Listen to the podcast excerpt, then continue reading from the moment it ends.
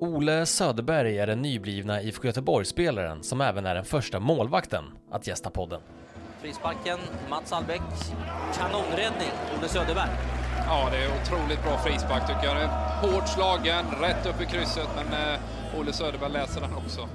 Han lämnade Göteborg och BK Häcken som 17-åring och blev ungdomsproffs i Newcastle, där han bland annat satt på bänken i ett 20-tal Premier League-matcher. Sen så var 5-1-vinsten hemma mot Sunderland med A-laget, som jag var på bänken då, var också en otrolig upplevelse. Att få uppleva den euforin som uppstår efter varje mål, minus deras mål då. Men det blev 5-1 vinst hemma mot Sunderland, fullsatt. Sprang in nakna män liksom som var helt lyriska på planen.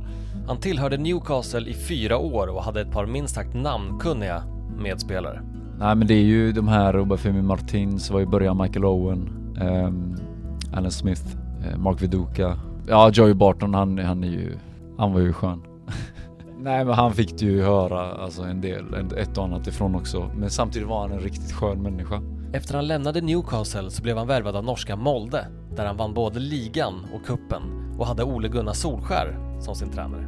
Ja men han är, han är magisk, han är, han är bra på alla sätt alltså. Det, det, det alltså en av de bästa jag haft. Um, är, är väldigt bra med att bygga lojalitet till sina spelare. Vilket är egentligen det, alltså som jag upplever det som, är den nyckeln till framgång. Som ni hör så är det ett riktigt bra avsnitt ni har framför er här i episod nummer 12 med Ole Söderberg.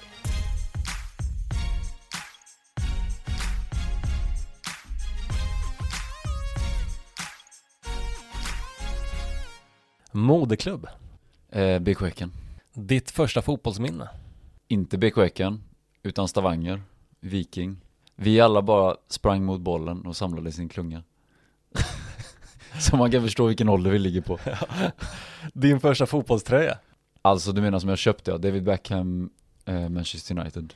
Vilken spelare vill du alltid vara när du var liten och spelade fotboll på skolgården? David Beckham. Skönaste fotbollsdagen har du haft? Oh, det var Lotto. De första jag någonsin fått. Jag minns dem, de grön, med gröna loggan. Viktigaste räddningen du har gjort? Jag tar den närmsta som jag kommer att tänka på det mot eh, Häcken. Fast den är inte så jävla viktig ändå för vi torskade ju ändå. Ja men jag säger den bara för att den var snygg. Eh, kryssräddning eller så här, distansskott. Största talangen du någonsin har sett? Största talangen? Alltså då var han ju riktigt bra. Eh, Haris Vucic hette han. Eh, spelade i Newcastle. Han, han hade en enorm talang. Som tyvärr inte blommade ut. Snyggaste matchtröjan genom tiderna? Alltså det här är ju så långt ifrån vad jag egentligen tänker på. ja men vi säger den, eh, den, den röda IFK Göteborg-tröjan. Bästa spelaren du spelat med och emot? Då, Benarfa mot Wayne Rooney tror jag.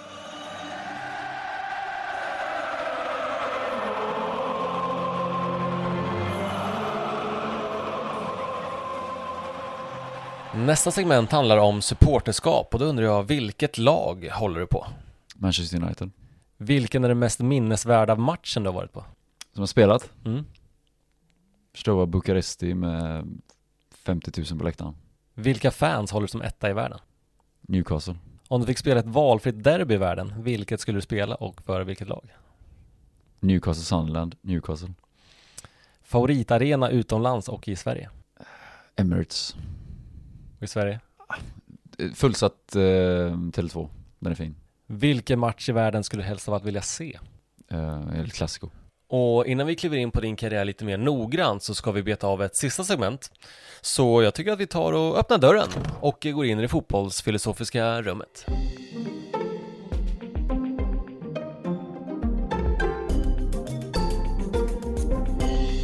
Det är Champions League-final och ditt lag leder med 1-0. Du avgör matchen i 90 minuten med en otrolig räddning som gör att ni vinner matchen. För vilket lag spelar du? Vilka möter ni? Men framförallt, hur ser räddningen ut?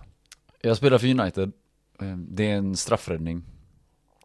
Eftersom att du är i så pass underläge redan. Så tar du en straffräddning i 90 minuten så är du ju hjälte. Liksom du är oavsett hjälte om du tar en straffräddning. Så att det, det är fint att göra. Och sen ehm, den är hög för en gångs skull. Så jag tar den högt. Och vilka möter ni? Eh, Real Madrid. Då vinner Shevchenko's second chances if Shevchenko misses. He saved it! The European Cup is returning to England! Om du fick ta tre egenskaper från tre olika målvakter som du kunde applicera på dig själv, vilka egenskaper skulle du ta och från vilka spelare? Neuers, ja, Ter Stegens fötter. Neuer, hans, hans räckvidd.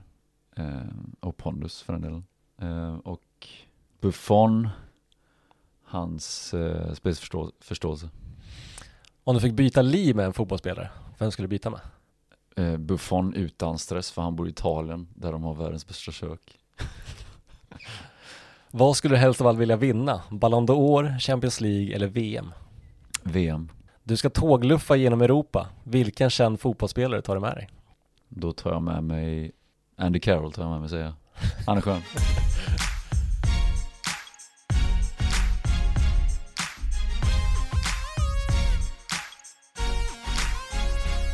Då tycker jag att vi inleder där vi började helt enkelt i din eh, moderklubb eh, BK Häcken. Men var det verkligen där du började lira fotboll från första början? Alltså inte egentligen, första gången jag rörde en boll var ju i Vikings, Viking FK i Stavanger. Där, där, dit flyttade vi ju 94. Jag är född i Norrköping, flyttade 94 till ehm, Stavanger. Där egentligen hela eh, fotbollsäventyret egentligen började då, men, men inte på riktigt allvar då eftersom man var så pass ung. Ja, en rolig grej är ju att jag har en bild hemma från Newca- eller från, eh, vad heter det, från Stavanger. Där står min vän och håller om honom och på mina benskydd står det Newcastle United. Och det är lite så här. Alltså fan, jag tror egentligen inte på sådana grejer men det är ändå lite intressant ändå hur det kan klaffa. Men ehm, Så att där började egentligen den fotbollsresan kan man väl säga då. Och hur gammal var du när du började lira? Eh, fem, tror jag faktiskt. Fanns det en omedelbar kärlek till, till sporten skulle jag säga? Ja, det fanns det. Det fanns en omedelbar kärlek till, kärlek till att vinna. ehm, märkte jag. Jag brann för det liksom. Var du målvakt direkt när du började lira också eller? Nej, jag testade på allt möjligt. När blev du målvakt och, och varför blev du det? Jag blev det för att jag blev tvingad till att bli målvakt för jag var inte tillräckligt bra utspelare. Det brukar oftast vara så för de flesta målvakterna. Det, ehm, det, det var i, för Hisingstads IF, där jag bor då i Backa, ehm, det var en, en sjumannamatch, måste det varit. Där de bara sa till mig, Olle ställ dig i mål. Jag bara, visst. Och så gjorde jag massa räddningar. Och då fick jag feeling för det och sen så sa de bara Olle du ska vara målvakt. Och jag var väl typ 11-12. Jag vet inte ens när man började med 11 manna men det var någonstans innan där. Så du var en duktig målvakt direkt när du började stå?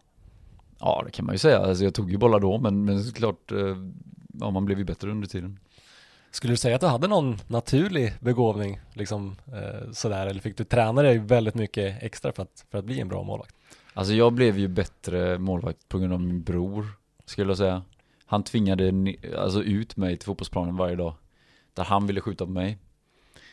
Jag fick ju hämta bollarna såklart också, så man fick kondition samtidigt som man ändå eh, tog, tog massa bollar. Så att det, ehm, det, är han och även att jag blev tvingad till att hoppa in i mål. Ehm, som jag får tacka för det. Och det var ändå lite naturlig fallenhet för det, känner jag. Och när blev du själv medveten om att du faktiskt var en ganska bra målvakt? Det var när, eh, det var när jag blev uppkallad till A-laget, ska jag nog säga, i Häcken. Och i början här när du, när du började lira fotboll, var, var det mest för att det var kul eller liksom satte du upp något speciellt mål att du ville satsa på fotbollen? Det var ju mest för att det var kul. Eh, inga specifika mål på något sätt, utan det var liksom, jag bara körde på alltså det, det, det tänkte inte jag så mycket på egentligen, målsättningar och, och, och sådana grejer. Och jag tror inte många gör det i den åldern heller.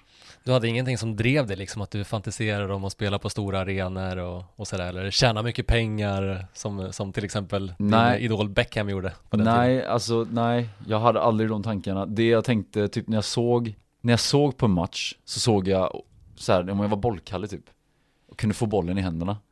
Tänkte jag, fan vad gött det hade varit att spela med den här bollen. Det var lite de, de där motivation, den motivationen jag hade typ så här, om jag var, det var lite udda typ alltihop. Så hela min, ja, den, det synsättet på fotboll skiljer sig nog lite från vad andra egentligen eh, ser, hur, hur de ser på fotboll då. men alltså det, det kommer ju sen liksom, det här med målsättningar och så vidare. Det är klart.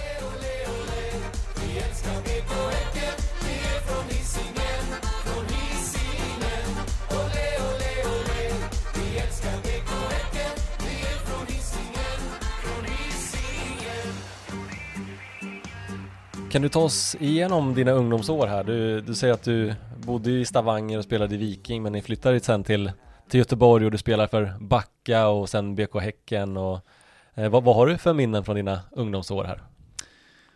Um, vi, vi var i Stavanger i fem år, tills var, till, alltså till 99. Um, ehm, och sen så flyttade jag till, uh, vi flyttade ju då hela familjen till uh, Backa, Hisingen. Och där började det för Hisingstads IF. De hette, de hette det då. Nu heter de Hisingsbacka IF, tror jag. Så att det, det, det var inte Backa jag spelade för. Backa IF fanns, det var min bror som spelade för Backa IF. Eh, men jag spelade för Hisingstad.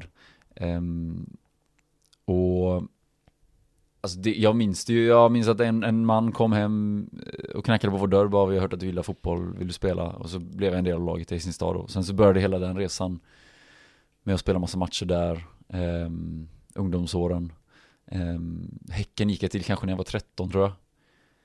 Uh, men egentligen så är det ju, det är ju egentligen Häcken som är moderklubb eftersom att det var där jag uppfostrades mot en professionell, professionell eh, karriär då. Men när du går till, till Häcken, är det inte någon typ av satsning som, som börjar då? Jo, där känner man att det blir lite mer allvarligt, det blir mer, um, det är ett snäpp uh, upp, alltså i sin stad var väl i någon lägre division, det var inte liksom samma sorts allvarligheter på det och sen så var ju ändå fortfarande liksom då P90-gubbar, eh, eller pojkar, vid, ehm, när man kom till liksom, man var, man var väl 13 upp mot, ja, alltså det är ju inte, det är ju fortfarande inte jätteprofessionellt in, en, syn, en professionell syn på det då. Men när du väl tar ett tipselit så blir det mer, då blir det ju ännu mer um, specifikt på vilka målsättningar man ska sätta för sig själv. Så att jag, jag, jag blev väl uppflyttad runt 15-årsåldern till A-laget. Om det nu var det, eller om jag bara tränade med A-laget. Jag minns inte riktigt exakt hur det var, men eh, jag blev mycket mer involverad i alla fall. Men när du väl byter till Häcken så är det ju i den åldern typ när de börjar ta ut distriktslag och, och liknande. Kom du med i Göteborgs eh, stadslag och, och sådär? Ja precis, jag var direkt med i stadslaget. Um, det var en riktigt kul period minns jag. Vi åkte ju ner till Halmstad två gånger. Um, och det, efter det så tar de ju ut för landslag och så vidare. Och på det här elitpojkslägret i, i Halmstad, hur, hur går det för dig där? Det går ju skitbra. Um, jag blir uttagen till landslag, eh, landslaget, P15. Samling på Bosön och allt det där. Så att det, jag är med från början där, så det, det gick ju skitbra. Minns du hur, hur, känslan var när du såg ditt namn på den listan att du skulle bli uttagen och, och spela för det svenska juniorlandslaget?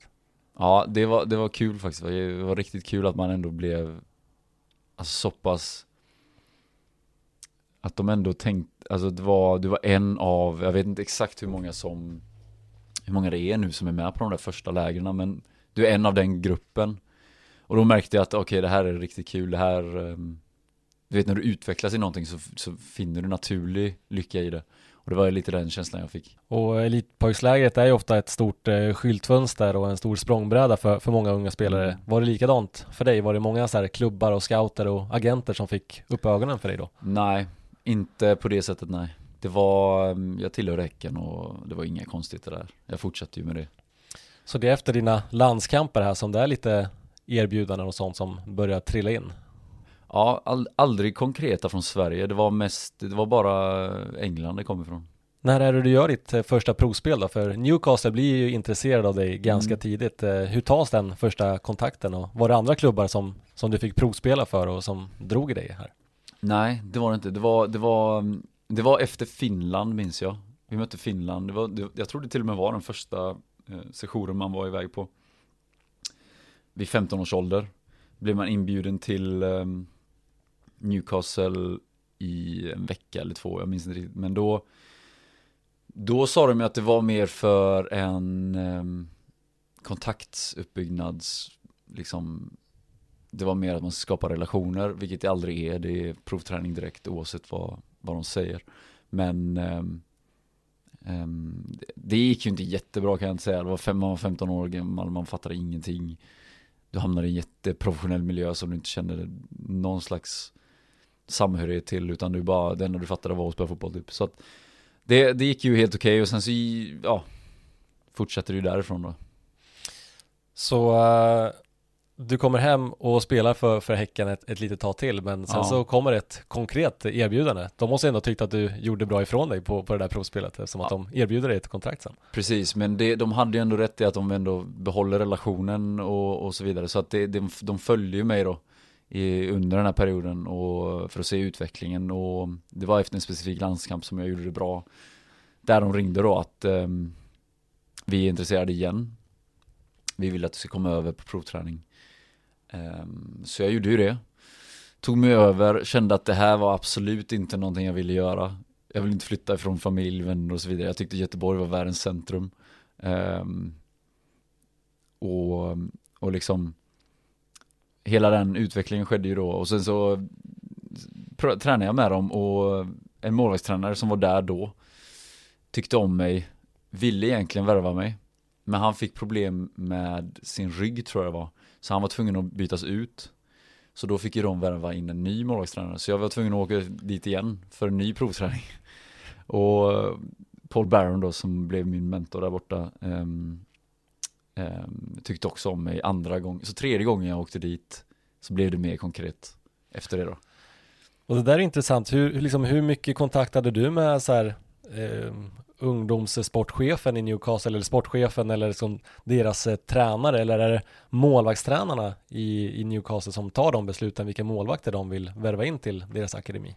Det är de som är de, de, de liksom de ultimata, eller vad ska man säga, de, de ultimata scouterna liksom, i, speciellt det inom målvaktsyrket, de, de ser ju de har ju bäst överblick över det hela, eh, skulle jag nog säga. Scouter generellt sett eh, tycker jag inte har den överblicken eftersom att de inte får jobba på det sättet med målvakterna utan de, de Sen så finns det ju målvaktsscouter också liksom, de, de fokuserar enbart på målvakter så de har väl säkert en bättre överblick över det då men, men det är liksom Rent av om du ska jobba med en ungdom eh, så behöver man träffas och du behöver liksom få den här provträningen och ja, jag skulle nog säga att det är, det är ju det viktigaste då. Så de, de tog in mig för en, ytterligare en provträning. Och samtidigt så började du träna lite med Häckens A-lag. Hur tänkte du där Mm. liksom att eh, du är så pass ung och är redan uppe och nosar på A-laget i, i Häcken gentemot ett eh, eh, ungdomslag i, i England, i Newcastle? Mm. Alltså, jag vet att jag kan vara naiv ibland eh, och så vidare. Men redan på den åldern fattade jag ju liksom vilken, hur stort det var med att komma till England. Så att det var inga konstigheter. Jag, jag var ju med A-laget, jag tränade med dem. Mats Johansson som jag, eh, som gjorde ett grymt jobb eh, tillsammans med mig. Eh, under de åren, eh, liksom byggde vidare på det under tiden som vi, som jag egentligen kanske bestämde mig då att ja men den här chansen måste jag ju ta. Så att jag fortsatte ju med A-laget där och det gick ju bra liksom. Jag var ju involverad en del i, i matcher och så vidare men inte spelade. Blev det aldrig. Så när är det du tar beslutet att eh, skriva på för, för Newcastle? Ja men de ringer, eh, de ringer till mig personligen, eller nej, eh, min sportchef då, Häckens sportchef ringer mig, säger bara Ole, Newcastle är intresserad av dig. Eh, du ska över och, eller signera. Jag skrattar ju bara. Och så bara, men okej, tog det halvseriöst. Sen fattade ju han typ tio minuter senare att ja men Ola har inte riktigt förstått eh, att de verkligen vill detta. Så att, ehm, för jag hade ju varit där tre gånger. Så jag hade inte riktigt tagit dem så på allvar liksom. Alltså Att de skulle ringa och säga att de, ja, men nu vill vi ha det typ. Ehm, så Så att jag fattade ju att eh, okej okay, det här är allvar ehm, Efter att de ringde Hem till mig och mamma svarade Tror jag, eller det var pappa Men då, då svarade de och då blev det ju de helt lyriska också Så det var det var en rolig period eh, när man fick höra det. Hur mycket bollade du den här övergången med just dina föräldrar eller agent och rådgivare och, och sådär? Vad, vad sa de och, och vad kände du? För under dina provspel här så säger du att det var absolut ingenting som du, du ville göra. Det var inget jag, alltså det var inte så att jag inte ville det, jag, det var någonting som jag inte reflekterade över. Eh, då. Men sen så insåg jag att, ja, okej okay, men Alltså du måste fan, du måste ge det här en chans det här, eh, det är ju liksom, det kan vara ett unikt erbjudande. Eller så kan det vara ett erbjudande som kommer senare. Det vet man aldrig.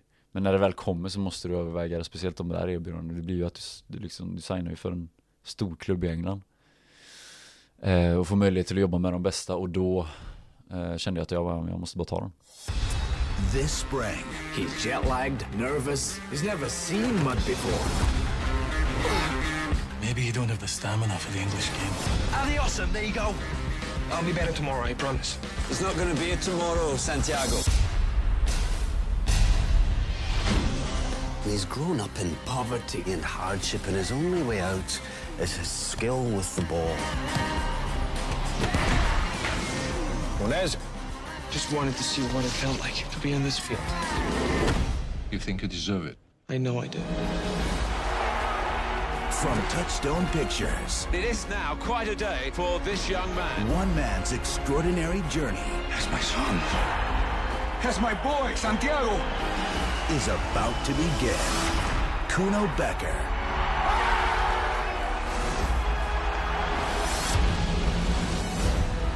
Goal. Ja, jag själv minns ju att min, min favoritfilm när jag var liten var ju den här filmen Goal med Santiago. Mones Just som, som skriver på för, för Newcastle. Så jag kommer ihåg att jag själv fantiserade och drömde lite om, om Newcastle och liksom man blev inspirerad av hela hans Ja. eh, resa. Eh, är det någonting som du kan relatera till och, och liksom minns du hur känslan var när du skrev på för, för Newcastle? Ja, den, den eh, känslan var magisk. Eh, Vi var på St. James och, och gick, stod där över hela arenan. Jag minns ju det som om det vore igår. Så det var, det var en magisk känsla som man kommer ihåg hela livet liksom. Um, reflektera över filmen. Ja, tufft var det kan jag nog säga. Britterna var jävligt tuffa mot den. Och vad är det för typ av kontrakt du skriver på då? Liksom? Hur, hur långt var avtalet och vad, vad ingick i kontraktet? Det var ju ett eh, fyra års kontrakt tror jag det var. Det är ju det jag inte riktigt minns. Jag tror det var fyra års kontrakt för jag stack ju lite tidigare till Molde men det var, det var en, ehm, ja, ett, ett längre kontrakt då. Ehm, där, där det ingick att ja, men man ska bo hos familj, du ska liksom, du får flygbiljetter. Så att det var, det var ju jättebra, alltså de tog ju hand om en på, verkligen på ett bra sätt. Tjänar man bra som ungdomsspelare i, i Newcastle? Ja det gör du. Vad, vad gör man för pengarna när man får så mycket pengar i sitt första professionella eh, kontrakt så här i en, i en engelsk eh, storklubb? Du köper TV, du köper Xbox och du köper spel. Och sen i mitt fall, jag fick någon konstig jävla fetisch om att jag ska köpa parfymer. jag vet fan. Du skulle sett mitt parfymskål, det var helt fullt med så här äckliga jävla parfymer. Jag fattar inte riktigt varför jag köpte dem. Men det var då, man utvecklas ju som tur är. Var, var det liksom en, en statusgrej eh, sådär i omklädningsrummet då? Någonting som du märkte av att man skulle komma i dyra kläder eller man skulle köpa någon klocka eller, eller sådär? Mm. Ja, det är lite av en modevisning. Men samtidigt så är det inte så allvarligt. Alltså det, det, jag kan tänka mig att det är mer allvarligt i Italien med rent av mode. Men, eh, men det, det är klart att har du några skor som sticker ut extra mycket, ja, men då får du höra det typ. Ehm, men oftast så är de jäkligt så här noga med att de in, du ska inte sticka ut. Du ska vara liksom en i mängden. Det var de då. Så att, um, nej men det var ju klart, det var ju roligt banter liksom när man, när man höll på där. Man fick eh, komma klädd hur man ville till träningen eller för att jag vet att när jag spelade i Celtic så eh, minns jag till exempel, i alla fall på planen, att man fick bara ha svarta skor, man fick inte ha någon hårband och, och sådana Mm. grejer och vi var tvungna att, att putsa A-lagets eh, skor efter varje träning och sånt. Eh, Det var ju verkligen så här gamla hårda skolan och Glasgow och Newcastle ligger ju inte allt för långt ifrån varandra. Nej, det var liknande ja. Um, utlänningar var inte riktigt lika hårt pressade i Newcastle, upplevde jag det som. Uh, rent av med de grejerna, men uh, utifrån sett av britterna så var det inte omtyckt. Ehm, men uh, så det är klart man fick pussa skor och grejer, det, det gjorde man ju. Det, det gjorde ju allt som och det var ju liksom, den skolan fick man ju även i liksom Häcken Tipselit till exempel. Du var tvungen att bära bollar, du var tvungen att så det var inget nytt på det sättet, det var bara det att det var lite mer göra i Newcastle tror jag. Hade Newcastle en eh, tydlig och liksom utstakad plan för dig? Värvade de in dig som första keeper till deras U18-lag eller, eller sådär? Eller Ja. fick du komma in och slåss om din plats som alla andra? Nej, jag kom in och spelade direkt för U18. Eh, sen så gick det uppåt liksom till U21. Eh, spelade en, en del där. Eh, men det var tufft, jag hade riktigt tuff konkurrens där med eh, Tim Krul och Fraser Foster. Som bo, alla de, alltså båda, båda de två var ju Jag minns inte om Tim Krul var andremålvakt redan, nej det var han ju inte. Det var när Shea Given gick som han blev andremålvakt. Eh, sen Fraser Foster gick på lån. Så att det var jag, Det tog ju lite, några år innan jag blev så här startspelare i U21 Och hur hur funkar det liksom där när man, när man blir invärvad sådär? Jag, jag förstår ju att eh, man eh, kanske inte blir jätte eh, välkomnad av andra spelare. Om man är utespelare till exempel mittfältare, då blir det ett helt lag. Men som målis, det är ju bara en plats. Liksom, hur, hur kände den andra målisen som du klev in och snodde hans plats av liksom? Kunde ni ändå vara polare sådär? Eller var Nej, han också? hatade mig. Ja, jag minns han än idag alltså. Jag minns dock inte vad han heter. Jag behöver inte komma ihåg hans namn heller för jag bryr mig faktiskt inte. Men han, eh, han hatade mig eh, galet mycket. Det är tufft men samtidigt så funkar det inom målvakts, målvaktsyrket. Så är det fortfarande att du är tight med dem runt omkring dig på sätt och vis. Vissa, alltså speciellt målvakter då. Men samtidigt är det en konkurrens. Och för målvakter, ni är ju oftast tillsammans på era träningar liksom den mesta delen eh, sådär. Det, var det liksom hård, hård stämning redan där och då? Kände du liksom att du var ensam i det läget? Att du var omringad av spelare som, som du hade tagit deras plats utav och, och spelare som hatade dig liksom? Alltså andra målvakter? Nej, det var bara en och han blev ju released sen. Mm. De andra är ju sköna. Tim Krul kom ju liksom från utlandet. Han fattade min situation. Han umgicks jag mycket med. Eh, uh, Fraser Foster var den britten som var mest grinig ska jag nog säga. Steve Harper skön som fan. Uh, uh, alltså, Shea Given, riktigt skön. Den mest konsekventa målvakt jag jobbat med. Nej men så att det var inga konstigheter egentligen. Uh, de, man blev omfamnad av gruppen. Men samtidigt så, så kände man av den här konkurrenssituationen typ. Som alltid låg och gnagde på en.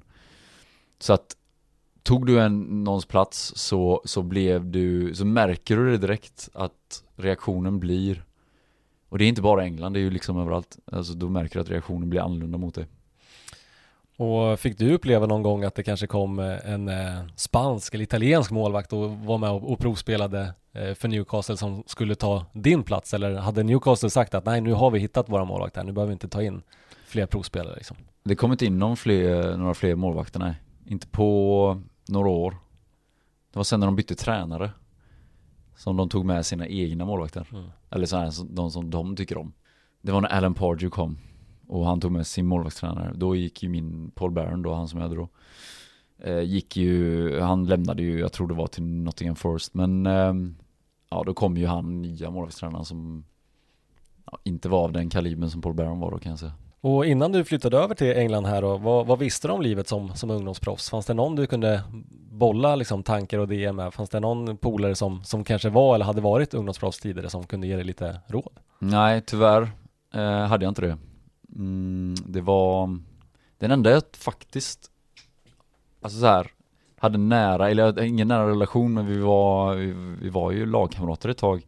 Daniel Larsson minns jag hade något erbjudande från utlandet, men jag blev, det blev aldrig att vi pratade om det. Men eh, i alla fall, det var inte det var inte någon jag kunde bolla med på det sättet, nej inte på den djupgående nivån som kanske uppstår i den här konversationen som du och jag har just nu.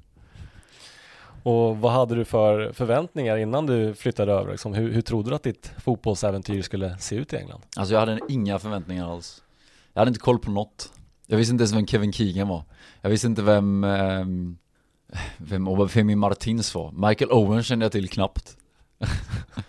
så det var, ja, alltså grejen är att jag är inte överdrivet intresserad av fotboll. Så att jag hade faktiskt inte mycket koll kring hela grejen. Men jag fattar att det var en stor grej som hände. Men när jag väl kom dit så Kevin Keegan som är en legend i England Mm. kom ju fram till mig och bara kul att träffas, det ska bli jävligt kul att jobba ihop med dig. Fattade jag ju att ja, men han här bestämmer, det, han kom på träningen och kollade och hjälpte en liksom. Så att det var Det var bara en ehm, stor grej visste jag, att, att liksom det som hände. Hade klubben förberett dig på någonting innan du flyttade över? Liksom? Visste du vart du skulle bo och, och sådär? Hur Ja. många träningar skulle vara? Precis, jag fick träffa familjen innan. Så dagen jag skrev på tror jag det var, så åkte vi till familjen, de hade redan liksom fixat med allt. Ehm, så att ehm, det, var, det var ju klockrent och så ehm, mer än så hade de inte hjälpt till, alltså då eh, början, men de fixade ju familjen som hjälpte en jättemycket. Eh, som jag bodde hos i ett år. Jag önskar jag bodde längre hos familjen i efterhand, men eh, det är lätt att vara efterklok som sagt. Så du hamnar i, i en värdfamilj i, i Newcastle där. Ber- Berätta lite om den familjen. Ja men jättefin familj som bodde eh, jättefint. Pappan var tandläkare, mamman tog hand om familjen.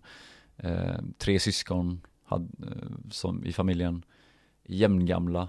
Eh, eller lite äldre, ja det var jämngamla. Så det var, det var liksom, man kom in i språket direkt. Jag bodde tillsammans med Fabio Samblera som också gick samtidigt till England. Så de, det var, vi var två stycken i laget som eh, som spelade för, eh, eller spelade, ja, spelade där då, så att det, och bodde där, så att det var, det var eh, riktigt bra att, att komma in på det sättet. Det fanns en annan spelare som heter Tamas Kadar, eh, som spelar, en ungersk spelare som är, han var riktigt duktig, men han valde att bo själv.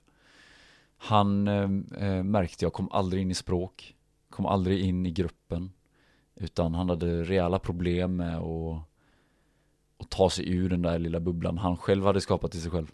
Vilket jag fattar eftersom att det är ett nytt land, nya liksom människor, du, du är helt främmande, du har inga vänner. Um, liksom så att det, jag fattar varför han, det blev en bubbla för honom, men, men det hade underlättat om han hade bott hos liksom, en familj. Fick man välja det själv liksom ifall man ville bo i värdfamilj eller skaffa en egen lägenhet? Ja, det, det sa de aldrig till en, men det, det får du oftast göra egentligen de, vi, de, de är jävligt noga egentligen med att de trycker på att du ska bo hos någon.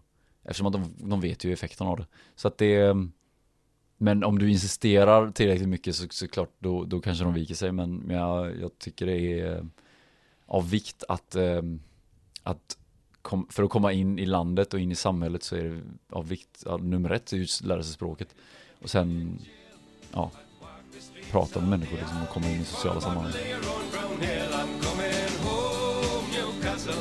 If I'll brave the dark at St James's Park If the Gallagher's end of the rain I'm coming home hur var det då att flytta in i en egentligen helt främmande familj för dig liksom sådär? Kände du dig ändå trygg och bekväm och var det som hemma ändå? Det tog typ eh, två veckor tror jag.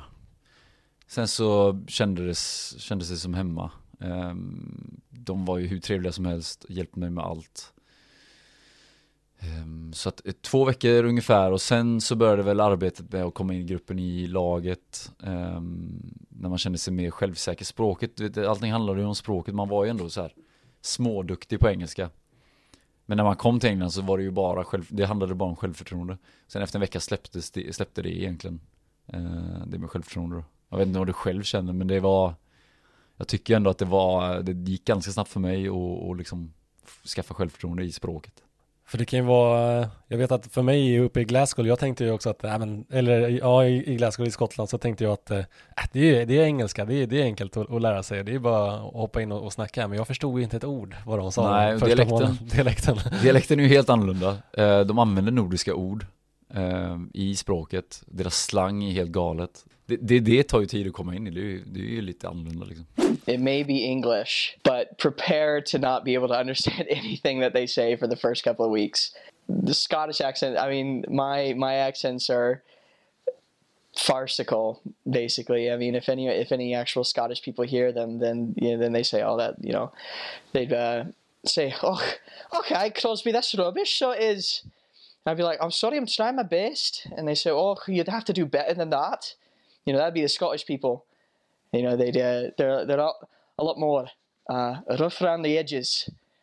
Um, that, that they have interesting, you know, interesting words and sayings that we've never hear, heard before. You know, on a day on a day like today, they'd say, "Oh, it's Pierre today," and you say, "What? I'm sorry, it's Pierre today." What? I'm sorry. So they have the word Driest and Driest is like gray or you know kind of not not sunny, kind of wet because the weather there. I mean, it rains nine nine days out of ten at least at least once in the day. So they saw you know on a particularly gray or bad day they say oh it's pure Driest. Men hur var första tiden i, i klubben här annars då? Liksom, berätta lite hur dina dagar såg ut. Det var, jag skaffade, det är också ett tips, att skaffa dig en, en uh, ifall du inte har körkort, skaffa dig en taxichaufför som kör dig. Jag hade inte möjlighet till buss, busskort, eh, eller buss, för det gick ingen dit. Eh, så att jag, eh, det är jävligt konstigt nu när jag tänker på det, men eh, Alltså Ja. hemifrån dig till till, träningsanläggningen? exakt, till, hela vägen till träningsanläggningen. Det gick ju till ett stopp som man var tvungen att gå, det pallade inte jag helt enkelt. Eh, så att jag skaffade mig en relation som jag fortfarande har kontakt med idag. Eh, King Cab Kev kallar jag han. Han, eh, han, är, han är bara legend i mina ögon. Um, körde mig överallt vart jag ville för fem pund per gång. Vilket är jävligt billigt med tanke på hur mycket han har kört mig. Um, så, så att det, det, det gjorde jag, Uh, liksom tiden när man, ja Jag vet inte om det var någon uppföljningsfråga på det, men, men i alla fall, det var typ så det såg ut, dagen, träna, hem, käka middag med familjen, man, vi, var, vi käkade alltid middag tillsammans Sen var man på sitt rum och chillade tills dagen efter och sen var det on repeat helt enkelt Ehm, Så men- du tog alltid taxi till eh, träningsanläggningen? Det var Ja, ingen det- som kunde köra dig eller hämta dig? Nej, de, han jobbade, eh, pappan som, som hade bil då. Eh, Hon hade ingen, de hade inte två bilar i början. Ehm, Så att det, det var ju ändå en bra lösning och grejen var att jag gjorde ju King Cab Kev till legend i hela Newcastle, Alltså, eller egentligen hela laget. Eh, Jag snackar om laget då, så att han, alla åkte med honom. Jag bara, han ska åka med. Fem pund resan. så, så tar han det vart du vill. Och du har kontakt med honom än idag? Ja, ja, han är, han är nära vän till mig. Kör han fortfarande ungdomsspelare i Newcastle? Ja, det tror jag faktiskt. Ehm, inte på samma nivå tror jag, eller här, samma frekvens, men han kör en del. Hur ofta tränar ni det här då? Och hur såg liksom träningsanläggningen ut och träningsupplägget? Eh, vi körde väl, alltså under säsong ganska vanligt, så här fem, sex gånger i veckan. Alltså du förväntas ju bli, vara färdig fotbollsspelare som i A-laget då. Så de var, deras schema var inte överdrivet hektiskt under säsongen eftersom att det var så mycket matcher. Så att det, det, men eh, jag tränade ju med två lag kan man ju säga. Så mitt schema var annorlunda när jag kom. Då blev det dubbelpass tre gånger i veckan ungefär. Eh, match på helg. Alltså man hade ju sällan en ledig dag. Ehm, så det var stenhårt arbete. Vilket egentligen var bra tycker jag. För man, man du vet, ändå fokuserade på att vara fotboll liksom. Ehm, vad, vad ställer du för- Träningsanläggningen? Ja, den, den var ju professionell liksom. Det var 11 planer eller vad det är. Stora, stor jäkla yta som de tränar på liksom och fem kockar. Allt, allt var liksom av högsta nivå. Så att det var, det var, det var, det fanns ju inget att klaga på direkt och inga Du hade allt, egentligen alla handverktyg eh, för att kunna lyckas där.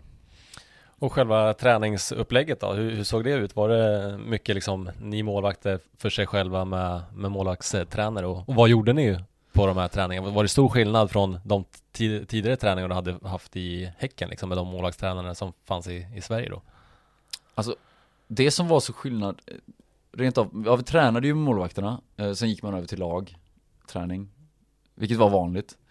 Men skillnaden på själva sättet som just britterna älskade var det här att du skulle vara så jävla klinisk. Du skulle vara hands in front, typ så här i ögonvrån, du skulle ha dina händer, din kropp perfekt så här eh, i rörelsemönster, du skulle liksom vara i en enhet när du rör dig. Vilket syns på engelska målvakter när de jobbar. Eh, men så att de var väldigt noga med sådana grejer och, och det, det var det som skilde sig rent av på målvaktsträningssidan. Att här var man kanske mer noggrann med att man skulle man skulle hitta sitt eget sätt att jobba på. Um, samtidigt som man ändå jobbar med detaljer såklart. Men men där, där blev det en helomvändning till liksom, teknik, typ hur du jobbar och så vidare. Och hur tog eh, lagkamraterna emot det här då? Du, du säger att det Vissa, vissa var väldigt schyssta och liksom omfamnade dig sådär men Fanns det någon typ av liksom främlingsfientlighet? Ja, ja verkligen. Det där uppstod direkt. Ehm, det var en britt som jag, som var skön mot mig av alla britter i laget. Ehm, utlänningarna fattade ju, det var inga konstigheter. Vi alla häng, liksom hängde, eller så här, hörde ihop i samma gruppering som det alltid uppstår. Ehm, men eh, det tog, tog tid innan man blev accepterad av britterna, måste jag säga. Ungefär ett halvår ska jag säga. Så det var, det var slitgöra men, ehm, och du fick ta skit och du fick ge skit Jag tog inte mycket skit från de som var i min ålder, ungdomsspelare. Jag hade problem med att eh, känna mig nedtryckt. Vilket, då biter jag tillbaka bara helt enkelt. Så det var, det var så jag agerade och genom tid så blev det väl att de kanske respekterade mig mer. Och sen så utav Rent utav, alltså rent utav prestation är egentligen det sättet du får bäst Eller snabbast respekt för. Eh, Vilket det oftast är. Fanns det någon som du kunde connecta lite extra med som faktiskt blev en riktigt bra polare där ni kunde hänga utanför fotbollen och, och sådär? Ja, eh, Ben Tozer eh, var en, eh, en back som jag, en mittback som jag blev bra vän med, fortfarande kontakt idag, han har kommit och hälsat på och liksom vän för livet så att det det är en av de britter då. Sen så var ju Samuel Ajay en vän till mig, som är en väldigt nära vän till mig idag. Um, kom ju senare, två år efter tror jag jag var där och då blev vi liksom gemensamt bra vänner.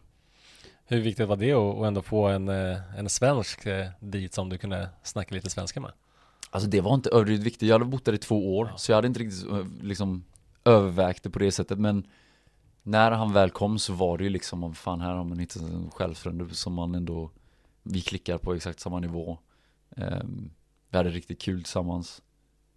Um, du vet, vi levde ju ett jävla fantasiliv i England. Det var ju liksom ungdomsproffs, ja, hela liksom världen framför dig. Så att det, det, det, det är liksom, när man tänker tillbaka så är det ju fortfarande ett så annorlunda liv än vad många andra 20-åringar lever. Vi ska väl säga det, vilken, vilken ålder eh, var det du, du flyttade över till England första gången? Eh, 17 var jag. Mm. Så, mm, och bodde där tills jag var 22. Och vilket lag var det du började tillhöra? Det var både U18 och eh, U21? Ja, precis. Jag började träna med U18, U21 och A-lag. Mest var det att man var med U21 Eftersom det var B-laget, vi, mm. vi var ju och A-laget då, var ju de under samma byggnad. Sen hade akademin en egen byggnad på någon kilometer på andra sidan typ. Med sina planer. Så det var ju inhägnat område på båda sidor. Så att A-laget hade sin, sitt område, eh, akademin hade sitt. Så att det, det var um, Det var mest U21 och A-laget tillhörde. Hur var ni nivån då när du väl kom dit? Alltså, blev du på något sätt chockad över att det var så bra eller liksom eh, var, ja. det, var det bättre än hemma i Göteborg och i BK Häcken? Ja, det var tio gånger bättre på alla nivåer, alltså kvaliteten bara till att nämna. Eh, första som händer är ju liksom Shola Miobi tar en bröstet, lägger en volley till jag minns det som om det vore gå, han lägger en volley på en touch liksom, eller så här, på andra touchen då rätt över till kantspelare, inlägg, nick, mål. Det hände under loppet av fem sekunder. Det gick så jävla snabbt alltihop så att jag var ju bara så här, vad fan hände just nu? Det blev mål. jag kunde inte ens reagera, typ, det kändes som. Uh, så att hela den här kvaliteten, det var helt annorlunda på liksom en, en touchspel liksom. Det var inte så att de hade tid med boll, det var, du skulle vara snabb med bollen. Får jag bollen, då ska den iväg så fort som möjligt. Med den bästa kvaliteten som möjligt det, det, kravet var ju att du skulle du skulle leverera till maxnivå under alla liksom alla händer, alltså allting som händer på planen måste vara till den nivån. Annars fick du höra det från både sida och på plan. Så du kommer igång och börjar lira matcher direkt där? Hur, hur går det för dig i början här? Eh, jag tror faktiskt vi vann första. Jag kan faktiskt inte komma ihåg. Jag gjorde debuten, jag släppte in ett mål gjorde jag, men eh, överlag gick det bra. Eh, gick bra i början tycker jag. Ehm, blev, vi åkte på någon turnering, blev bästa målvakt där. Ehm, liksom utvecklades väldigt mycket faktiskt. Ehm, om jag ska vara ärlig. Vilket är en positiv grej. Sen, eh, det gick för några år, ja. Sen fick jag ju, fick jag ju en, en, ehm, en handskada mot Liverpool. Och då, då kände jag ju att det var, det var ju lite längre skada också så det var, det var en liten tuff period där. Men sen bounceade jag tillbaka och det var inga, liksom jobbade, jobbade vidare en del där. Så att det, ja det var ju överlag bra början. Och hur var, hur var tränarna här då? Var, var de stränga och liksom hårda och sådär eller kunde de ändå vara pedagogiska och rätt schyssta? Pedagogiken låg ju inte högt på deras prioriteringslista. Eh, utan det var mest om att få fram budskapet typ. Eh, Paul Barron hade ju inte, alltså hans tillvägagångssätt var ju tuff. Liksom den mest vältränade 60-åringen jag någonsin sett. Ser ut som, eh, vad ska man säga, typ, eh, vad heter han nu, han som alla trodde, tyckte jag såg var lik, då, eh, han boxaren i Rocky, svensken. Dolph Lundgren. Ja, just det. Lite så i ansiktsform så här blond, stenhård. Um, så nej, det var inte mycket fokus på pedagogik på det sättet. Uh, han jobbade mycket, mycket med att, att vara tydlig Ehm, och, och, jävligt sträng helt enkelt. Men man fick respekt för honom direkt, vilket var inte var några konstigheter på det sättet, utan det hade man ju automatiskt. Men han kunde bli jävligt sträng, ibland för sträng. Eh, och det sa jag ju till han. Så samtidigt så tycker jag att han ändå formade mig på ett bra sätt, rent mentalt. Nu är det inte många grejer som rubbar mig, typ. Nu har man lärt känna sig själv bättre också när du är i den åldern, du fattar ju ingenting, du vet ju inte, kan ju inte liksom, en enda kromosom i kroppen känner du inte till, du har ingen koll på något. Så det är, ja, bra, bra tränare, jävligt hög standard på tränare, men stränga. Gillade du det här eh, tuffa liksom och var det en stor omställning liksom till att det blev så seriöst och professionellt med, med fotbollen som du egentligen bara hade lirat för att det var kul liksom så här, och tog det lite som det kom?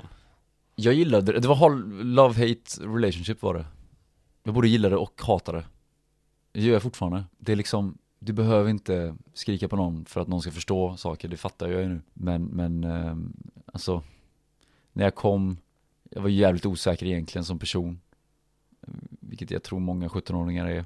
Eh, Väldigt känslig. Även om jag liksom ändå tyckte att jag kanske inte var det, men så var jag det. Um, Så att det var, det var liksom en tuff, det var tufft då att liksom komma in i det i början Men sen så när du väl började lära känna spelarna och du började fatta lite hur de kommunicerar så, så blev det ju så att du accepterade vissa saker Men vissa saker var ju absolut inte okej Okay. um, Men som man ändå fick hantera Might not be your fault lads eh? I'll just have to make sure it don't fucking happen again, because I fucking, I tell you now, I'm fucking more determined than ever. I'll look at you now. I'll have a chat with all of you next week. Before you start flying off to fucking Mallorca and all these other places, eh? We'll have a chat about the fucking game. About your game, last few months, last few weeks. Fucking character. Fucking hell. And I'll look at your contribution, some of you. No wonder he's thrown fucking bottle at fucking floor, Tonga. Hey? It's waited fucking nine months for that. A bit of fucking aggression. Fucking hell. You blame everything. Blame me, blame fucking pitch, ref, system, tactics. You want to have a look at your fucking self, some of you in fucking mirror. So please your fucking selves what you're doing next few days, all right? Get pissed if you want, go out to nightclubs, take your missus out, shag her on fucking car seat, anything you want. Because there's some of you lot that could have done fucking better and we should have been up there. And you're fucking also around, you're happy. You fucking be off flying away next fucking week. It doesn't hurt you. You're fucking picking a wage up. That's a load of bollocks. You've got to fucking die to get three points. Fucking telling you. Because it's hard, it takes some fucking bollocks to fucking say, right, we're not fucking moving. That line's there and we fucking stop it. And you pick your fucking man up. And if it's the spare man, I take the fucking blame. Yeah, I fucking die for you lot. Fucking die for you. Fucking hellfire. Look at the fucking games we've tossed away. You've all got to want to be a fucking team. Atmosphere, intimidation, everything. Let's fucking get leathered in, but properly, and let's play when we've got it and fucking believe. And I think we've got a fucking chance. We've all got to be like that on fucking Monty's chest, haven't we? A fucking rash. all right, come on, let's boys. go. Come on, let's go. For the come on, all of you. Hey, but look to anchor as well. Come on, man. Take the positives out of that. Och livet utanför fotbollen här och liksom, vad, vad gjorde du när du kom hem efter träningen och på fritiden och, och sådär? Nej men jag, jag, ehm, en period från att jag var 17 till 19 så gjorde jag faktiskt ingenting tror jag. Jag försökte plugga i början men det gick inte. Så jag slutade plugga och tog upp det igen när jag flyttade hem igen. Men ehm, det, Ehm, det jag gjorde var att jag bara, jag, jag, som sagt, jag gick och köpte Xbox, spelade spel. GTA kom ut då minns jag, den sommaren. Vilket var jäkligt kul för mig. Ehm, och sen gick jag och köpte parfymer. Testade lite olika. Jag kunde ju fan öppnat en jävla, ett varuhus kändes det som. med bara parfymer på den tiden men eh, Två år där tills jag var 19-20, jag minns inte riktigt, 19 tror jag det var då. Måste varit ungefär den perioden som att jag kom in i musiken mer. Och du nämnde skolan här, hoppade du av gymnasiet när du väl skrev på för eh, Newcastle eller försökte du göra Mm. det på distans typ eller? Ja precis, jag, jag måste ha en målsättning med någonting, någonting, om jag gör någonting som jag inte själv har jätteintresse för Så måste det finnas en målsättning med det. Och jag såg ingen målsättning just då. Då var det tufft för mig att liksom hitta sammanhanget. För att jag, jag var ju, alltså, som alla, alla andra ungdomar, jag var skoltrött men eh, Ja, det, det var låg inte bara intresse och där var det absolut inget krav på att du skulle göra klart skolan. Och eh, liksom intressen utanför fotbollen här, du nämnde musiken, berätta lite om det. Ja precis, så jag är egentligen musiker Ehm, ehm, Jag är ju musiker mer egentligen, alltså Jag är mer uppväxt med musik än fotboll kan man säga. Så att jag, jag, jag producerar musik till artister och kreativa bolag eh, I dagsläget. Så under tiden, just den perioden då började jag med produktion Och ehm, upptäckte det och sen har jag jobbat med det sen dess Var det viktigt att ha någon sån grej utanför fotbollen? Annars kan det ju vara så för många att man är i en bubbla där allting bara är fotboll, fotboll, fotboll och man tänker på liksom även när man kommer hem. Kunde du liksom koppla bort fotbollen och sen eh, fokusera lite på musiken så du fick bägge Mm. där? Precis. Det, det, jag har alltid varit bra på att koppla ifrån fotbollsbubblan men jag har Jag har varit det som var, det det var jäkligt bra för var de här tuffa perioderna Som ehm, eh, Som liksom till exempel skador eh, Sånt som uppstod när du inte hade mycket, många liksom och, och, eller någon, eller liksom någon att bolla med eller någon, någon att ehm, komma ifrån den, den där negativa bubblan som du tycker är då eftersom att en skada är väldigt negativ såklart. Så att det, det, det musiken hjälpte mig med var den tuffa perioden verkligen. Saknade du vänner och familj mycket där i början? Ja det gjorde jag ju. Det var, i början var det ju liksom Göteborgs, Göteborg var ju världens centrum. Um, liksom så att det tog lite tid men, men sen så jag är väldigt, jag har märkt att jag är väldigt anpassningsbar, jag anpassar mig väldigt fort. Och så, så att liksom det, det, var, det tog bara några veckor eller någon månad eller två så, så var, var det liksom, var man inne i det. Så det kändes ändå som att du hade hamnat rätt i, i Newcastle? Ja, det gjorde det sen. Sen efter liksom några år in i det så älskade jag ju stan liksom. Jag kan lätt kunnat bo där nu. Eh, liksom, det är ju en riktigt fin stad med fin, fina människor så det, det var inget, det var inga konstigheter där. Du är ju i England eh, totalt eh, fyra år, men för att sammanfatta ditt första år här då, i alla fall, hur, eh, hur skulle du säga att det var? Liksom, vad, vad har du för, för minnen därifrån, ditt första år? Vad, motgångar och medgångar och dina bästa minnen? Alltså det, det var ju fint minne att man blev liksom approached, du, du, du signade med dem, dagen man signade med dem, jag och min agent var ju lyriska, så det var fina minnen med det, fin, fina minnen med eh, med liksom familjen. Så att, så att liksom eh, sammanfattningsvis är det ju ett, ett positivt år, väldigt positivt år tycker jag. Med mycket, mycket, mycket nytt som händer men ändå man tar det bra liksom. De andra åren här i Newcastle då, du, du, eh, du flyttas ju stegvis eh, upp här och eh, är uppe och nosar på, på A-laget en hel del faktiskt. Ja precis, jag blir ju mer, mer involverad i A-laget. Det blir ju att jag hamnar på bänken till slut när jag är 21 tror jag. Så får jag ett 20-tal matcher på bänk inklusive cupmatcher. Så det blir, det blir massor med, ehm, då blir det mycket att du, att du är involverad i liksom hela Premier League ehm, känslan och atmosfären och, och liksom får uppleva det på, på den nivån då. Så att det, det tycker jag är, ehm, det var ju riktigt kul att få, få känna på det. Hur var det liksom när du väl eh, var på bänken i de här Premier League-matcherna? Då är du ju väldigt nära din, din dröm liksom. Eh. Ja, jag minns ju, det var, vi mötte Chelsea i ligacupen eh, och de säger det att Ole du kommer spela idag eh, under frukosten tror jag de säger det. Sen går ju dagen och jag bara shit fan vad nervös jag är, jag kan inte tänka typ. Eh, Ehm, och sen så tyvärr så säger de då i matchmötet att ja men vi väljer att spela Tim. Jag bara, på sätt och vis andades jag ut, men sen så ändå tyckte jag det var jävligt tråkigt, så att det var Det var ju liksom, det, du fick ändå känna på det på nära håll. Eh, Möta Chelsea, Anelka spelade liksom, att möta de där storspelarna, det hade ju varit Och en sån match kan ju liksom förändra en hel karriär, det är ju inga konstigt det där liksom. Um, så det var, det var Det var en uh, lärorik period Hur tänker man som målvakt liksom när man sitter där och ändå inte har, har gjort sin, sin första match och man vill spela i Premier League? Sitter man på bänken och nästan kan hoppas på att det ska komma en skada eller ett rött kort liksom sådär så att man får sin chans eller? Alltså jag var livrädd. Jag var helt livrädd. Hoppa in mot Emery, alltså Arsenal, det var ju 10 minuter kvar, jag var nära på poäng, jag fick gå och värma upp. Jag var livrädd på att hoppa in där, så att jag, nej jag tänkte verkligen inte så. Jag var så här bara, fan nej Låt det fan inte hända någonting nu för då kommer jag fan behöva spela. Jag var livrädd för att spela. Det var mest för att jag var, inte visste vad jag, vad jag hade liksom gett mig in på i så fall, alltså så här, rent av Det var så mycket folk, jag hade aldrig varit med om att spela inför så mycket folk innan, liksom 60 000 på Emirates.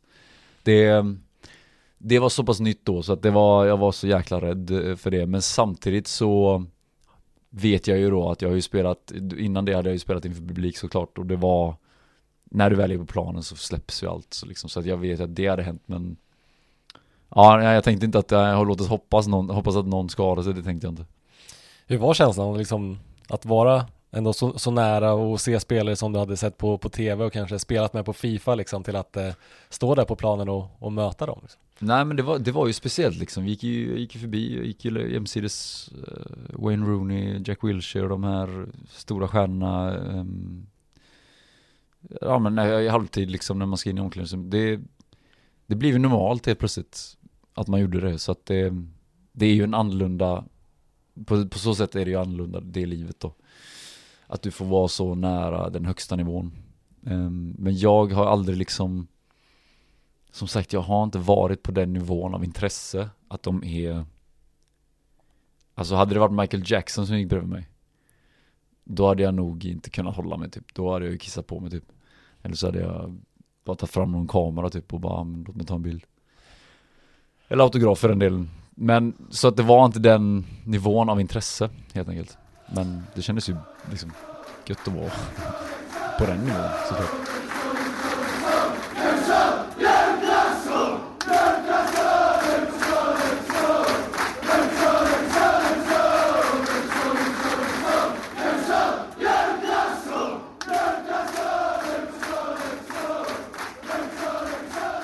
Du får ju aldrig riktigt eh, chansen i Newcastles A-lag men du blir utlånad två gånger till eh, Darlington och eh, Chesterfield. Ja. Det måste ha varit en bra erfarenhet om du ändå var så nervös att du inte kände dig riktigt redo för att kliva in i Premier League, att då kunna få matchas i Mm. lite lägre, på lite lägre nivå. Ja men precis. Jo men det var grym erfarenhet, Darlington var bra. Det var, vad var det för liga då? Det måste varit eh, division 5 i England. National Conference. Under Liga 2. Mm. Är väl f- eh, division 5 då. Eh, ja, Ja. i alla fall. Eh, en månad där, gjorde det bra. Eh, tränare välte bord. Du vet, var det typiska engelska humöret i omklädningsrummet. Men eh, nej men det var, det var liksom bra period, gjorde många matcher, fick mycket att göra. Det som är så bra i England är ju att det finns många ögon. Ehm, Gör du en bra månad någonstans så, så tar det det upp liksom. Då går du framåt direkt. Ehm, Så månaden efter det gick jag till Chesterfield då. Det var en mer dyster period. Bodde på hotell i en månad. Jävligt ensamt. Ehm, det gick inget bra. Var hatad för det mesta. För att det gick så dåligt. Ja. Det var en tuff period faktiskt. Den, den, och då hade jag inte musiken heller. Då kunde jag inte ta med mig den i studion. Så um, den månaden eh, ligger där bak i huvudet och bara ligger där. det är inget jag reflekterar över på något sätt. Utan den bara ligger där. Hur var känslan att gå från eh, Newcastle och liksom nosa på det här med Premier League till att gå ner till liksom femte ligan i, i England? Såg du det ändå som, eh, som en erfarenhet och liksom kanske kunna ta ett snäpp upp sen igen? Att eh, här, här får du chansen att, att visa upp det liksom. Ja, jag tänkte bara att jag behöver spela. Eh, för jag fattade det att, att ehm, ska jag någonsin närma mig A-lag så måste jag röra mig framåt genom spel. För det, allting handlar om matcherna. Det är ingen som bryr sig om träning. Eh, spelar du bra så blir du uppflyttad eller så tar du det framåt i karriären liksom.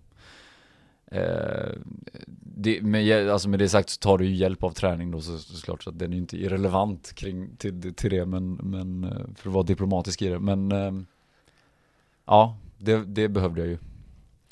Jag kan tänka mig att du ändå fick spela mot en hel del eh, bra spelare under de här B-lagsmatcherna där du ändå fick matchas. Mm. Berätta lite om det. Ja men precis, spelade med bra spelare, mot bra spelare. Ehm, det var ju ofta så att man åkte ner till United och mötte deras U21 Jag minns inte, jag tror Det var ju någon, Ole Gunnar Solskjaer var coach för United då, minns jag eh, Som jag senare skede hade i Molde då, så att det det var mm, eh, alltså bra perioder, det möttes, ja Gary Neville var ju till exempel en du mötte då till exempel Wayne Rooney Tror jag kanske kom från skada Eller så minns jag inte riktigt hur Alltså exakt vem jag mötte egentligen det, på det sättet. Det, det, var, det måste varit de två eh, mest kända tror jag. Annars här och vilka spelare har du, har du lirat med i, i Newcastle? För det fanns ju ett par profiler där. Ja, nej men det är ju de här Obafemi Martins, var i början Michael Owen, um, Alan Smith, uh, Mark Viduka. Joey Barton. Ben, ja, Joey Barton, han, han är ju, han var ju skön. På vilket ja, sätt? Nej men han fick ju höra alltså en del, ett och annat ifrån också. Men samtidigt var han en riktigt skön människa. Sitta så som du och jag just nu och prata om fotboll, prata om eh, Alltså vad som helst i livet hade han gett sig din, äh, sin ärliga åsikt kring. Så att det, han var väldigt genuin på det sättet att han, eh, han visade sig liksom. Sen hade han en sida som var helt rebellisk, som kunde, som kunde komma ur ibland. Eh, och för min del så var det mest bara glåpord. Det hände aldrig något speciellt så på det sättet, men det var mest bara glåpord som han... Han flippade ju du vet när man gör misstag på träning eller någonting. Du, du fick inte göra några misstag för då, då fick du höra det liksom. Så det var ju bara, det var bara egentligen, det handlade bara om att spela bra så, så var man på rätt nivå där. Men det, mm, ja, Joey Barton var skön. Eh, jäkligt duktig, tyckte jag en av de smartaste spelarna. Eh, ben Arfa, Check Tiote också, en av de bästa jag har spelat med. Och du som ändå var så nära de här eh, liksom superstjärnorna, hur, hur, var de som personer och, och sådär? Var det någon som hade några speciella ritualer för sig eller, eller sådär? Vad, hur, hur var de som personer?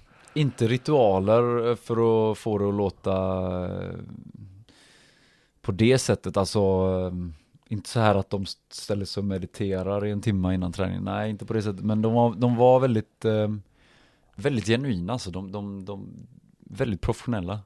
Dök upp, gjorde sitt jobb. Riktigt bra. Eh, vilket förväntas av dig när, i A-lag. Det är ju liksom, du kommer dit, du ska, du ska fan vara färdig för att prestera liksom. Så att eh, de, de gjorde det jobbet riktigt bra allihopa och väldigt genuina. Ehm, tyckte jag liksom Michael Owen var väldigt tystlåten. Vilket jag tyckte var konstigt. Eftersom att han var världens, en av mest världskända fotbollsspelare då. Mm. Uh, men det var bara sån han var, så det var ju, alltså nu fattar jag ju att det bara, man behöver inte vara värsta extra um, Extrovert. Ja, exakt. Uh, för att liksom vara en, en, uh, en stor spelare ja. liksom. Fyra år blir det i, i England här och um, jag tänker så här, vad, vad stöter du på för, för utmaningar som, som, eh, din, eh, som din tid som ungdomsproffs liksom? Vad, vad var de värsta motgångarna och var det någon gång du funderade på att eh, avbryta ditt kontrakt och flytta hem? Det känns som att du ändå trivdes väldigt bra eftersom att du stannade där så pass länge. Um, den perioden efter Chesterfield, då tyckte jag det var riktigt tråkigt med fotboll. Det var inte kul alls. Det var, det blev så mycket motgångar då så att det, då kände jag bara fan är det här rätt liksom?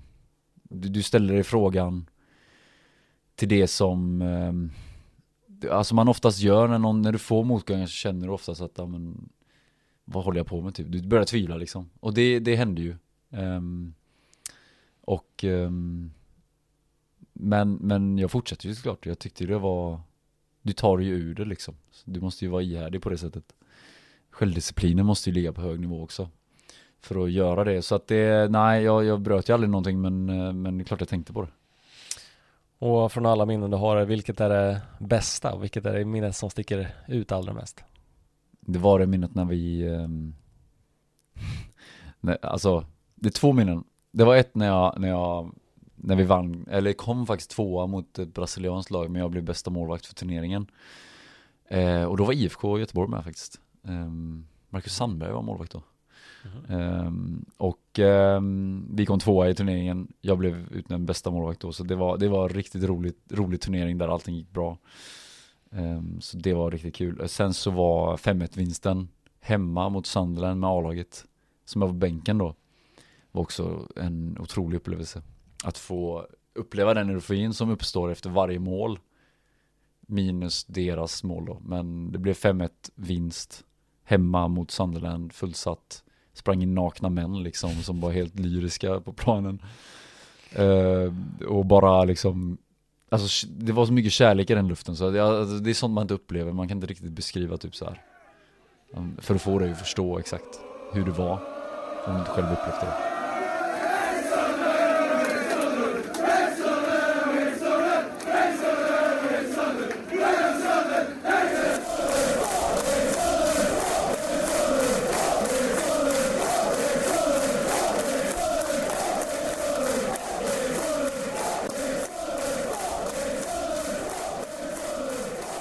Och Eh, när är det du tar beslutet att eh, lämna Newcastle?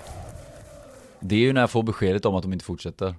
Jag vet, det är klart jag hade velat fortsätta spela för Newcastle, det var inga konstigheter. Det, det, det hade jag ju verkligen velat, men, men de valde att, att inte förlänga.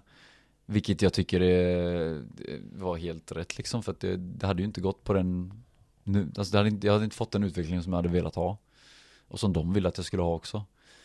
Um, tyvärr, så att det, det, det kändes som att, ja men det här känns helt rätt. Nu är det dags att ta nya steg, typ ett nytt kapitel. Um, och det gjorde jag då. Vad hade du för alternativ då? Inte många. Um, det, vi fick, jag fick direktintresse då från Molde i Norge. Av Ulgun och Solskjärs stab och team. Um, och de hade vunnit ligan tror jag, året innan jag kom ja. Det var hans första år. Så, att, så att det kändes ändå bra att de ändå var ett vinnande lag på det sättet. Um, så jag kände bara, men fan, testa på. Så du blev värvad av eh, Ole Gunnar Solskjärs eh, Molde i norska högsta ligan? Mm, precis, och jag tror han har samma stab just nu i United. Så att jag blev värvad av dem ja. Hur var det att ha han som tränare? Ja men han är, han är magisk, han är, han är bra på alla sätt alltså. Det, det, det alltså en av de bästa jag har haft. Um, är, är väldigt bra med att bygga lojalitet till sina spelare. Vilket är egentligen det, alltså som jag upplever det som, är den nyckeln till framgång inom fotboll. Att kan du få en så, den lojaliteten av dina spelare så kommer de ta extra kliv för, för, för dig som tränare då. Och även som klubb. Um, för att liksom jag har ju ingen koppling till Molde. Mm. Jag har ingen klubbkänsla på det sättet. Jag, jag vet inte riktigt, jag, jag vet ju, alla säger ju, men varför krigar du inte för klubben? Men du kommer till en främmande, ett främmande, en främmande stad, det, enda du fattar dig på är ju att spela fotboll. Du fattar inte på staden, du förstår inte på folket, du liksom har inte upplevt deras kultur. Um, så du är inte i dem. det du vill ha är ju den lojaliteten, alltså där du, du vill bygga den lojaliteten så att du kan börja kriga för någonting som spelare också. Det vill man ju ha och då, då är ju den nyckeln, alltså tränaren i mina ögon. Um, och den lojaliteten har man till målvaktstränare, målvakter har ju det mm. väldigt ofta. Men till just huvudtränare så hade jag inte upplevt det. Um, utan där fick jag uppleva det på den nivån då. Och där vann vi. Och där var jag inte liksom given etta. Jag spelade ju en del. Uh, var en del med u Blev bänkad av Ole um, Men vi vann ligan och vi vann kuppen För att gruppen var så pass sammansvetsat av honom då och hans stab. Så att det, det, det var den bästa, det var en riktigt härlig upplevelse att spela för Molde. Um, och, och Ole Gunnar Solskjaer och hans stav då. Målvaktstränaren Richard Hartlis var jättebra också. Så att det var liksom jäkligt rolig period. Kan du se någonting i hans eh, tränarfilosofi som, eh, som ni jobbade med i Molde som han har tagit med sig till United nu när du kollar på deras matcher sådär? Ja men eh, det är en överkvalificerad fråga för mig. jag kollar inte så mycket fotboll. så att jag, jag har faktiskt ingen koll. Eh, men jag är säker på att han, eh, han har ändrat en del saker, men jag är ändå säker på att han tar med sig sin filosofi på, på vissa, vissa delar. Så du får ändå vara med och vinna både ligan och eh, kuppen här i, i Norge och eh, efter det så har du haft en, en fin karriär här i, i Sverige också med spel i, i Kalmar och eh, AFC och eh, spelar nu i IFK Göteborg som du mm. precis skrev på för. Precis, eh, så att resan har varit lång hem, alltså om man ska se från flytt till hem. 13 eh, år har det tagit ehm, och Kalmar var en bra period, jättefin period där jag fick utvecklas ännu mer med eh, speciellt Doran Alfredsson som var um, målvaktstränaren där. Um, fin klubb liksom. Många fina minnen därifrån. Även om vi hade det tufft har den majoriteten av tiden så var det ändå liksom väldigt mycket, mycket positivt att säga om det den perioden. Så att det, mm, det, det har varit en lång resa att, mm, att äntligen ta sig hem då. Innan har det varit, det är lite, lite speciellt att flytta hem såklart. Alltså innan har det varit mer att man kommit till ett besök så det känns fortfarande som att jag ska dra imorgon typ eh, tillbaka till ja, därifrån jag kom då. Du är ju 30 år idag men du skulle ju säkert kunna spela 10 år till om du vill. Eh, känns det ändå på något sätt att du sluter cirkeln, att du kommer hem till eh, Göteborg nu, där allting typ ja, startade? Jo men det gör det. Jag, eh, jag har ju länge velat flytta hem eftersom att familj är här, vänner är här. Är det i Sverige jag är så är det nu Göteborg jag vill vara. Um, så, jag, så har jag ju känt länge. Det här och, och det här med att bygga någonting har jag, har jag också velat, det har liksom till exempel familj eller, eller liksom bolaget eller vad som helst. Man vill ändå bygga någonting på en stadig plats. Och det, den känslan har uppkommit nu de senaste åren så att så att det, allting klaffar väldigt bra nu tycker jag. Det var liksom, du är 30 år, du känner mig jäkligt ung och fräsch och liksom bra i huvudet alltså känner mig väldigt stabil så att det och, och liksom den här vinnarmentaliteten, jag vill ju fortfarande vinna, jag vill utvecklas Eh, så att det blev en klockren lösning med IFK det jag är ju väldigt stolt över att få tillhöra den klubben också liksom, alltså den största, en av de största i hela Sverige. Så att det det, det här är ju någonting jag verkligen ser där man kan att vi kan liksom den klubben som jag ser vi kan vinna titlar med liksom och för att gå in på lite avslutande frågor här och eh, en väldigt eh, individanpassad fråga men finns det något rätt eller fel med att eh, gå utomlands och bli ungdomsproffs som tonåring? Beror vilken ålder du snackar om. Med din generella syn på saken liksom om man ska sticka iväg som 15-16-åring eller 17-18 liksom. Ska man 15 för tidigt. Mm. Du behöver fan, du behöver bygga upp lite kött även om du inte har mycket alls när du är 17 behövt rekommendera att vänta tills du är eh, lite äldre än eh, 16 eh, tycker jag är, det är liksom där, då är du, då är du nära gränsen, alltså på den här ungdomsgränsen då som jag inte egentligen hade pushat till att flytta. Um, så 16 framåt. 17 är, kände jag var okej. Okay. 18 är nog den bästa skulle jag nog säga. Men samtidigt så formas man ju, alltså du, blir du kontaktad och en, en liksom Real Madrid hör av sig till din familj när du är 15 och du ska tacka nej till Real Madrid. Det är inte rimligt liksom, jag fattar det. Så att det är, och sen så, de klubbarna ser ju att du formas under de här åren också. Som mest kanske. Men det finns aldrig någonting som säger exakt så här ser utvecklingskurvan ut. För att jag har sett spelare som, spe, som är 27-28 år gamla få sin bästa utveckling. Ehm, så att och sen, alltså över ett år bara. Så att det, jag tycker inte att, eh, för tidigt är, ska du absolut inte flytta tycker inte jag. Du, du ska liksom bygga upp, bygga upp dig själv lite. Och vad har du för tips till någon som kanske har ett erbjudande att gå till just eh, Newcastle? Vad är viktigt att tänka på då? Ring King Cab Kev, eh, kontakta mig så får du hans nummer. Eh, och sen eh, Bos familj. Um, om du är ung, kom in i en familj. Um, sen gå inte för mycket till något Köp inte för mycket parfymer. Nej, gör fasen inte det. Det, det. det, är ingen bra investering och sen um, gå på många matcher fasen. Det, alltså det är en av de bästa upplevelserna jag har haft. Mm. Och du själv, vad, vad är dina största lärdomar från din tid som ungdomsproffs? Självdisciplin. Jag tycker att jag har, jag har ju blivit mer självsäker liksom generellt i mig själv som fotbollsspelare. Eh, som person. Men det har inte alltid varit självklart liksom, så att det är liksom Det har ju varit en, du, du, det tar ju tid innan du lär känna dig själv på det sättet Men jag tycker att det Om jag tar med mig någonting så Tar jag med mig ett helt liv som egentligen är så främmande för alla andra Och by, har jag, jag har ju byggt på det liksom, jag har ju ändå tagit in det och Utvecklat det till mig själv då helt enkelt Så att det, jag, jag känner ju att Att det, ja Det jag tycker jag har blivit Mest Eller bäst på är ju den här självinsikten och, och, disciplinen som man ändå tagit med sig, som du behöver i den här branschen. Sen finns det säkert jättemånga andra bra positiva grejer. Um, kontakter, vänner, kunskap. Så att, alltså överlag sett en riktigt positiv tid. Men med många, många motgångar såklart, men mest positiva saker skulle jag säga. Ja, och med det sagt så får jag bara säga stort tack till att du var med i podden. Mm, tack så mycket.